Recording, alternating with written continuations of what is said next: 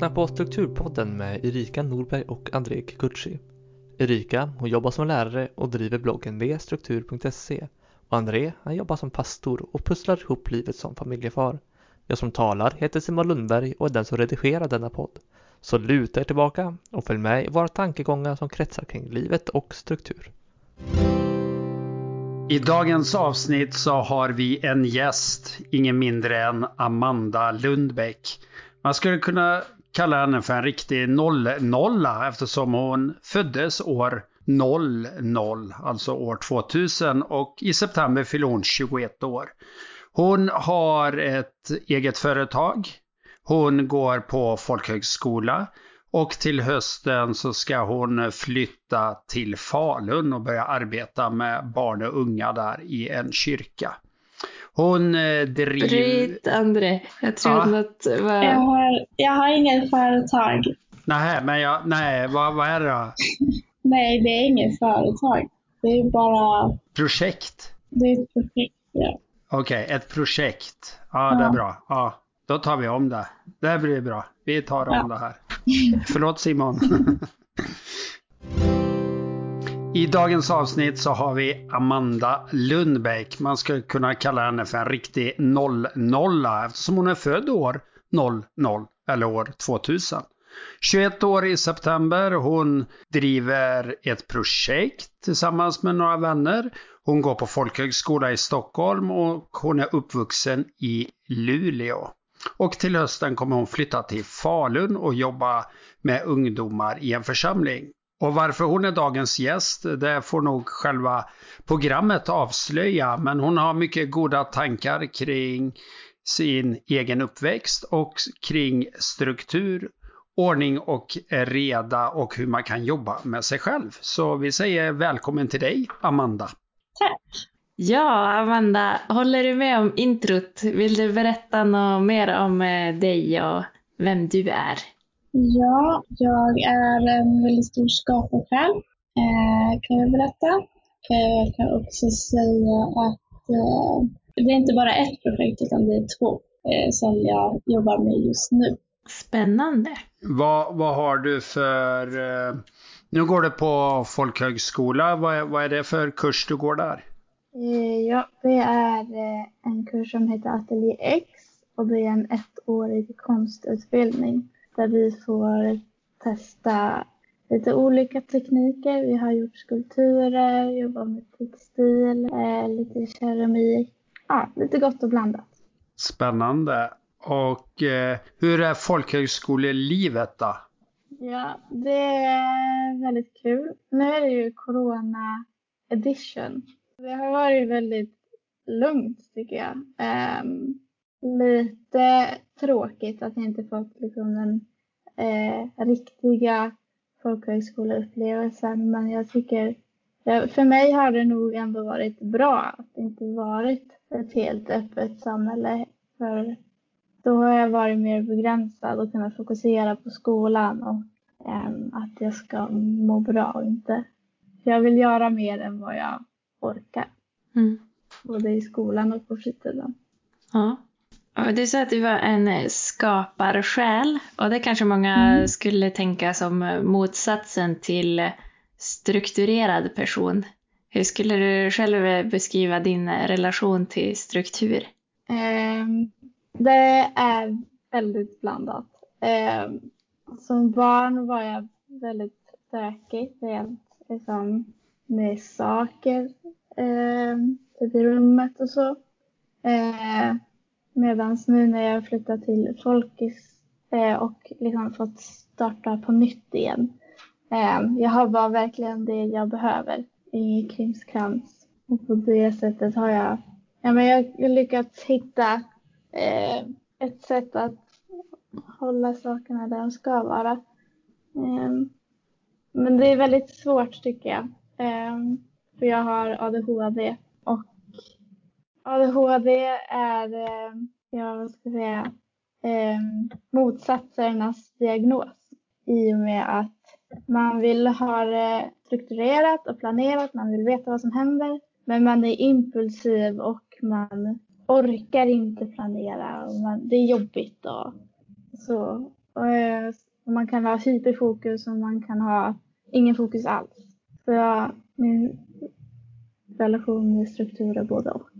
Vilken, eh, vilken intressant beskrivning av ADHD. Det, Mm. det känns ju helt, helt rätt, även om det blir ju lätt krångligt då kan jag tänka mig. Hur tycker du att eh, din uppväxt i din familj har präglat dig nu när du, har bo, när du inte bor hemma längre? Så kan man ju få lite perspektiv på vem är jag och var kommer jag ifrån? Det är ju ofta de frågorna man ställer på fol- folkhögskola också. Den tydligaste liksom, kontrasten som jag märkt är min uppfattning om tid. Hemma när jag, eh, när vi säger okej, vi ska gå ut på promenad nu. Ja, då tar det ja, men 20 minuter, en timme tills vi faktiskt är ute och alla är med. Och för någon kanske hittar på någonting på vägen och man blir distraherad. Eh, Medan här nu när jag har blivit bra kompis med speciellt en här på internatet. Så vi håller ihop och äter middag tillsammans och går på promenad och så. Då har jag märkt att om jag säger nu så har hon skorna och jackan på sig inom en minut. Och då är jag helt chockad. Så här, Oj, eh, jaha, redan? Eh, Okej, eh, jag skyndar mig. Jag har verkligen märkt hur att min tidskänsla faktiskt inte är så bra som jag trott. Jag behöver träna på det ännu mer än vad jag har tänkt. Är det något du har märkt av i, i skolan eller när du har vuxit upp också? Det här med tidsuppfattning eller är det andra utmaningar som har varit större med ADHD eller andra saker? Mm, I skolan var den största utmaningen att ja, på varje föräldramöte, nej inte föräldramöte utan utvecklingsmöte, nej vad heter det? Utvecklingssamtal? Utvecklingssamtal, tack. Eh, på varje utvecklingssamtal så fick jag alltid höra att du måste ha lite mer action Amanda. Varför slutför du aldrig uppgifter och du får inte sitta och drömma bort hela lektionerna. Eh, det där har jag fått höra genom hela min skolgång och ingen har haft en tanke på ADHD eller eh, något sånt. Utan de har bara sett, sagt till mig att skärp dig typ. Mm. Vilket, alltså om de hade haft, ja men vetat om lite mer om ADHD och sett det eh, och haft mer strukturerad sätt att möta min ADHD så hade jag nog kunnat lära mig så mycket mer. Typ, jag har tagit mig igenom hela skolan utan att lära mig typ vokaler, konsonanter, verb och allt sånt. Jag kan fortfarande inte det. När fick du reda på att du hade ADHD? Det var i eh, mitten av nian. Mm. Eh, december där. Var det en utredning som gjordes eller hur, hur fungerar det? Eh, det hela började med att eh, min bror fick en dyslexiutredning. Eh, där han fick diagnosen dyslexi. Eh, varav jag tänkte, ja men jag är ju syster till han. Då, då kan det finnas chans att jag också har det. Det är lika bra att testa. Eh, så jag gjorde det. Och eh, då sa logopeden att eh, vi borde kolla upp ADD också. Eh, så typ ett halvår senare så var, eh, för hon, så var utredningen igång för logopeden hade skickat en remiss. Eh, ja, det var så det gick till. Har du upplevt någon skillnad sen i, i skolan, resten av nian och gymnasiet efter att du fick diagnosen eller skillnad för dig själv på andra sätt? Eh, ja, eh, dels så fick jag medicin så eh, mina betyg blev bättre för att jag kunde slutföra uppgifter eh, och hänga med på ett annat sätt. Eh, men sen var det som att det var mer acceptabelt att fungera på ett annat sätt om jag hade en diagnos. För annars gick det tydligen inte att förstå. Att, att man kan fungera på ett annat sätt. Ja. Innan det var jag vanlig och då fick jag inga specialhjälp. Det är ju lite märkligt att inte skolan har kommit längre på de senaste åren. Kan man tycka. Att se behoven som finns. Ja, och för tjejer är det ju ännu sämre verkar det som att hitta de här eh, NPF-diagnoserna. Pratade ju Tove Loa Öberg om när vi intervjuade henne. Och det är ju jättetråkigt. Ja, verkligen. Och det leder oss in på en eh, motion som är skriven till Luleå kommun. Eller ett med, det är väl ett medborgarförslag från början. Kan, kan du berätta lite om det? För det var så vi kom på att ja, men du måste ju vara med i våran podd. Och så kan vi prata om massa annat Ja. också. Men det var det som ledde dig hit. Och du delade detta. Kan du beskriva det lite? För det sitter ju ihop med skolan och det. Ja, det är någon i Luleå då som har skickat in ett medborgarförslag Eh, med en nollvision av utbrända barn med NPF i skolan. Och det de vill göra är att öka kunskapen och åtgärderna eh, från lärarna för att hjälpa barn med NPF. För nu är det väldigt vanligt att eh, de blir missförstådda får väldigt mycket press på sig att de inte funkar som de ska enligt normen. Och så ja, blir de utbrända och vill inte gå i skolan, slutar gå dit helt enkelt, strejkar. Och på det sättet, eller kanske, ja, ja men man, de hamnar lätt fel eh, och blir utbrända. Därför tyckte jag det var väldigt viktigt att dela den här eh, motionen. Ja, jag tror det, den har större inverkan än vad man tror. För NPF finns överallt, mer än vad man tror. Då kan det ju vara ett tips att man frågar i sin egen kommun där man befinner sig. Hur jobbar vi med det här tillsammans?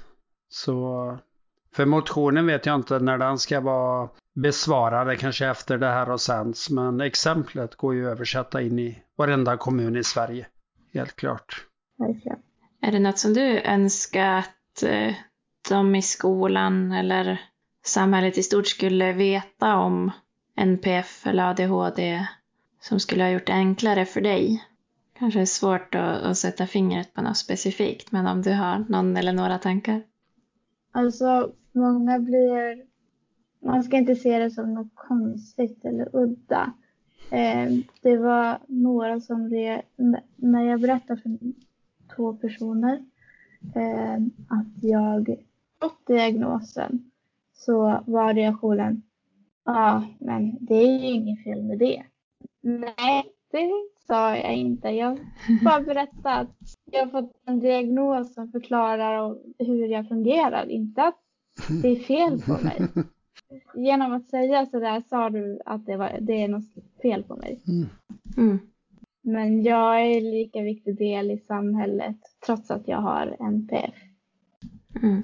Har det gjort någon skillnad för dig att få veta att du har den här diagnosen? Personligen, hur du ser på dig själv? Jag tyckte det var väldigt skönt. Det var som en aha moment. Liksom jag fick på ett papper se, ja men så här fungerar jag. Och utifrån det kunde, har jag kunnat hitta, eh, eller testa liksom olika eh, ja, men metoder för att hitta struktur och så. Eh, jag kom på förut här eh, inför att vi skulle spela in här idag att egentligen är det ju struktur som är något slags botemedel mot ADHD.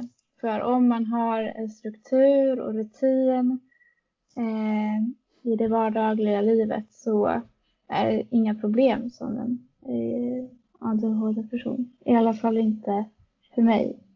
Eh, så har jag upplevt att när jag har struktur och rutin så går det lättare. Och kan du ge något exempel där i vardagen som blir viktigt för dig? Att ja, men, fungerar det här, ja, men då, då fungerar dagen.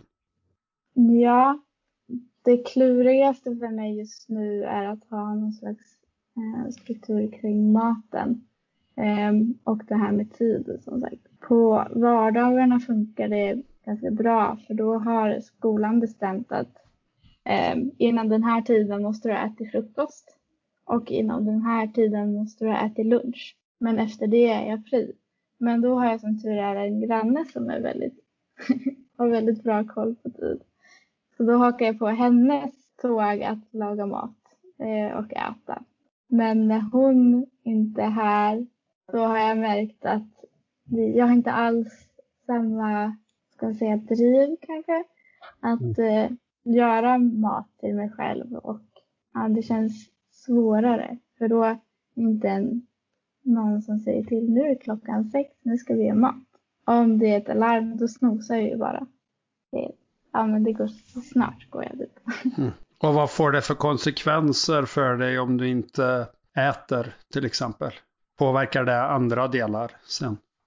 Ja, då orkar jag inte göra någonting. Jag, blir, jag får ingen koncentration, jag får eh, ingen ork att göra någonting. Jag vill bara ligga i sängen eller på soffan eller golvet eller vart det första bästa stället jag kommer åt att ligga på. Så mm. lägger jag mig där och bara slöscrollar.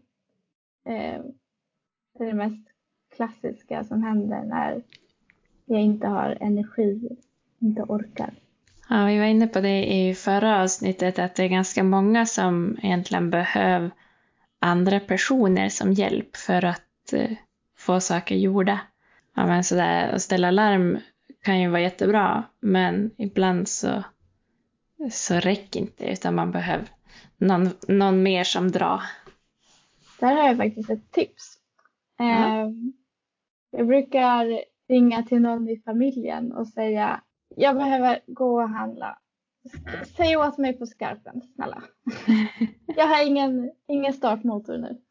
Mm. Då, då, det funkar alltid. Det kan handla om vad som helst. Gå upp ur sängen eller gå och göra mat eller komma igång med vad som helst. Typ. Ja, vad smart. Det gäller ju att hitta de där grejerna som funkar för en. Ja. Och en del skulle nog säga att man blir så trött på tjatet. Kan du känna igen det? Ja, när det kommer och jag inte vill ha det, så blir jag bara irriterad. Mm. Ehm, men då gäller det att säga stopp, jag vill inte höra det där innan det blir bråk. Mm. mm. För min pappa är också, han har också ADD. Ehm, så vi, även om vi funkar på samma sätt, vi vet hur den andra funkar så vi vet vad som behövs tjatas på den andra. Men jag kan bli lite arg när han tjatar på mig. För att jag vet att jag måste göra det här men ja, jag har inte bett om att bli tjatad på nu. Mm. Och om jag är hungrig också blir det bara värre. ja, det är inte så konstigt. Har du några fler, någon fler sån strategi du använder för att uh, få saker gjorda eller någon struktur som hjälper till i vardagen? Mm. Eh, vad det gäller eh, här i år på, när jag var på Folkis här eh, så har jag kommit på att eh, tröstskapa eh, fungerar väldigt bra. Eh, och det är helt enkelt eh, ett uttryck som en klasskompis kom på.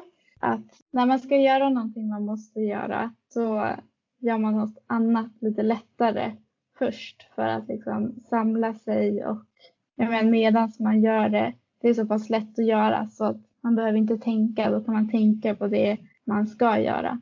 Ehm, så som en liten slags uppvärmning. På det sättet får jag upp fokuset och kan komma igång. Och jag tänker att det här behöver inte gälla bara för skapandet. Man kan väl göra det för andra saker också. Om man ska göra en skoluppgift, börja med att kanske bara läsa brödtext, nej inte brödtexterna, man kan börja med att bara läsa bildtexterna kanske. Mm. Eller något sånt där, superlätt. Någon sa till mig när jag pluggat lär dig innehållsförteckningen så kan du boken ganska bra sen. Och den är ju ganska lätt att läsa ändå. ja. Så att, som en uppvärmning. Då är jag liksom inriktad på ja. vad kommer härnäst. Liksom.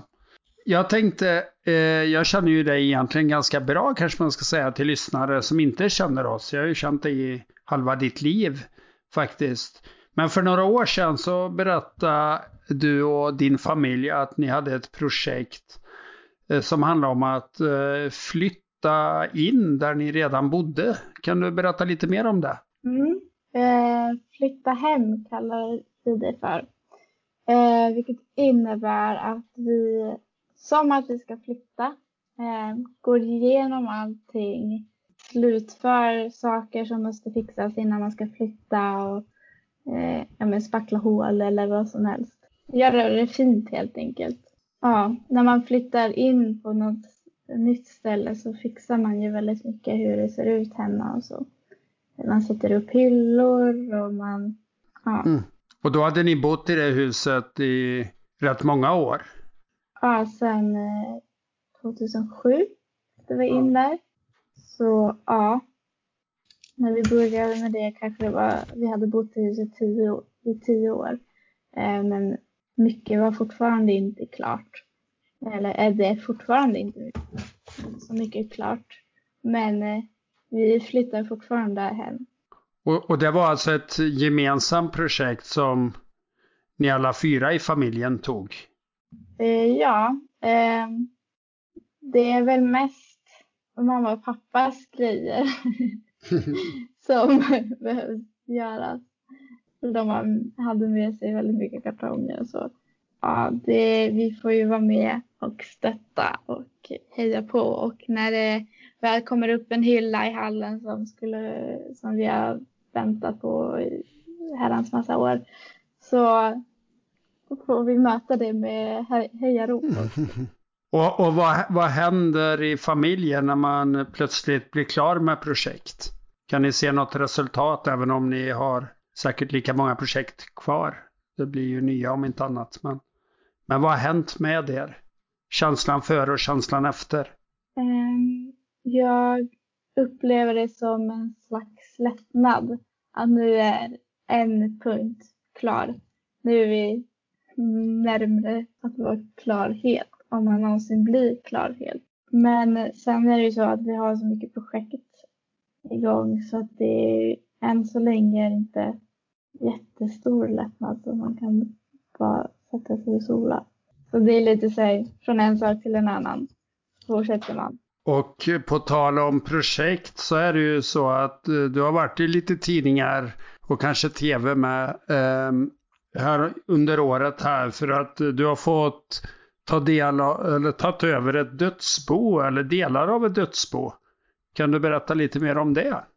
Ja, det var en lokalkändis i Luleå eh, som heter Sune Ussitalo. Han var känd just för sina kläder som är färgglada och mönstrade och de har pärlor och rosetter och eh, ja, det är extra allt helt enkelt. Och eh, de kläderna har jag då fått äran att ta över och av det har jag gjort ett projekt där mitt mål är att bevara tanken bakom eh, hans kläder. Så under ett halvår så kommer jag ha jobbat med det här projektet från eh, december till juni. Och resulterar det i någon slags utställning eller vad blir resultatet?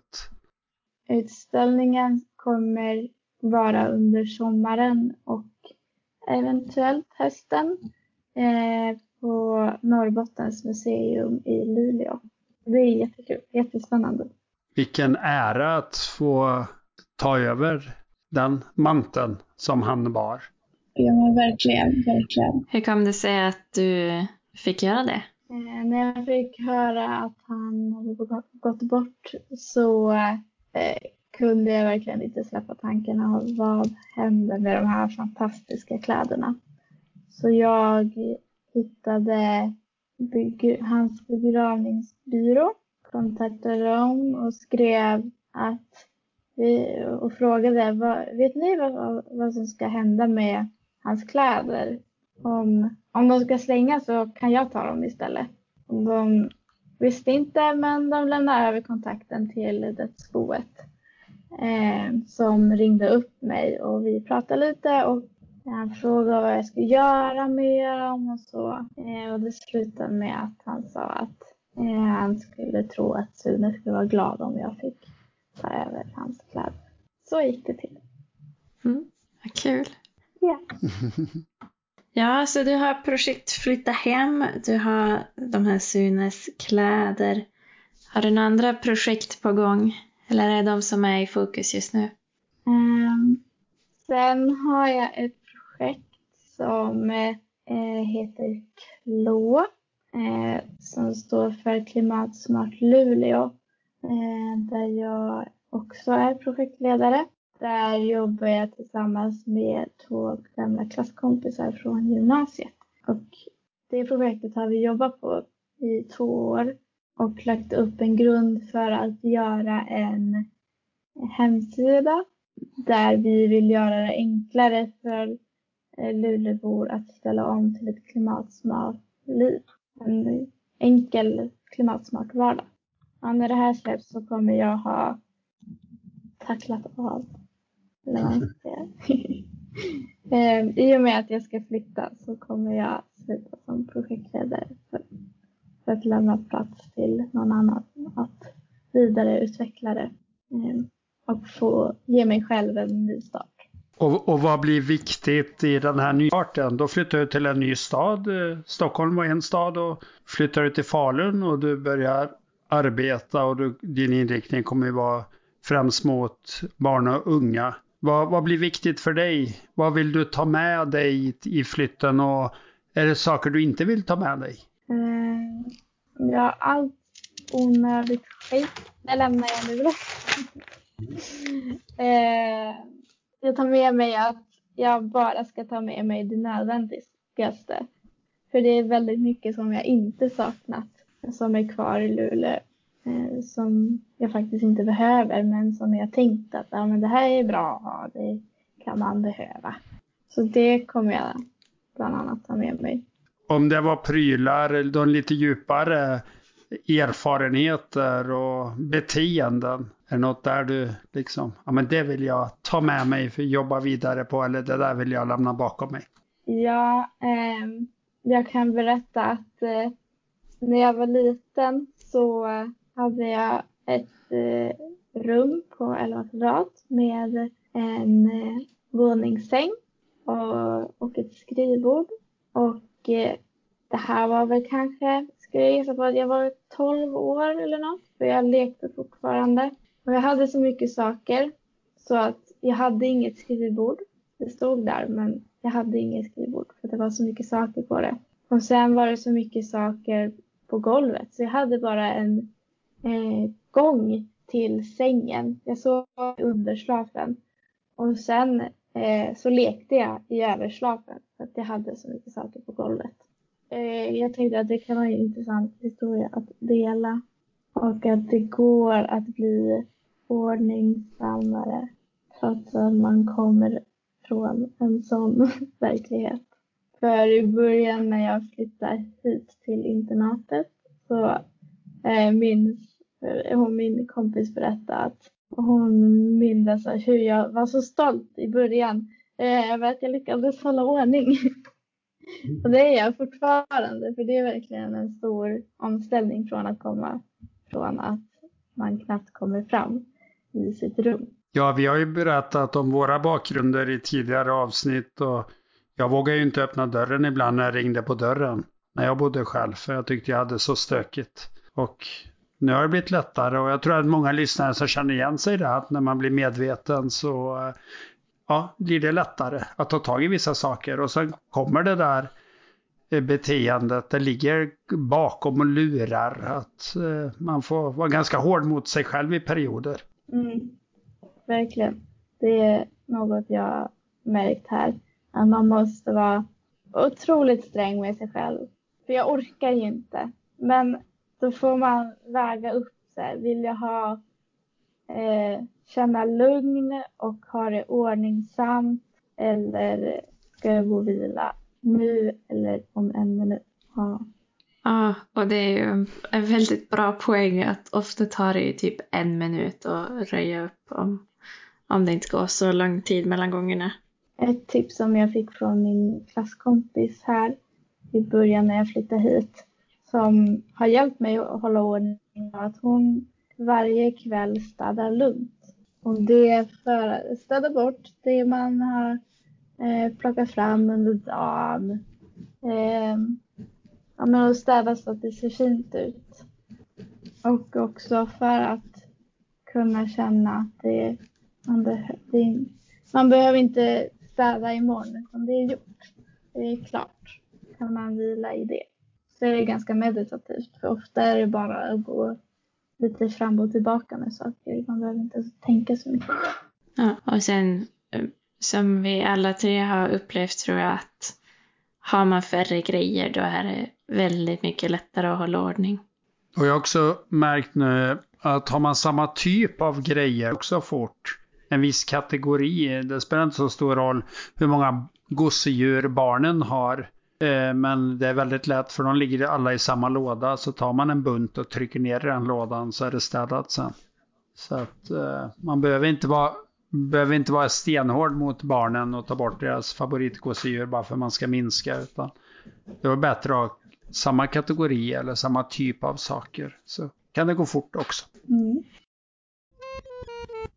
Och innan vi fortsätter tänkte jag bara tipsa om att om du är nyfiken på strukturkalendern att köpa eller läsa mer så kan du gå in på strukturkalendern.se. Strukturkalendern.se alltså. Mm, sen brukar vi ju i varje avsnitt ha någonting som vi kallar för bra, bättre, bäst.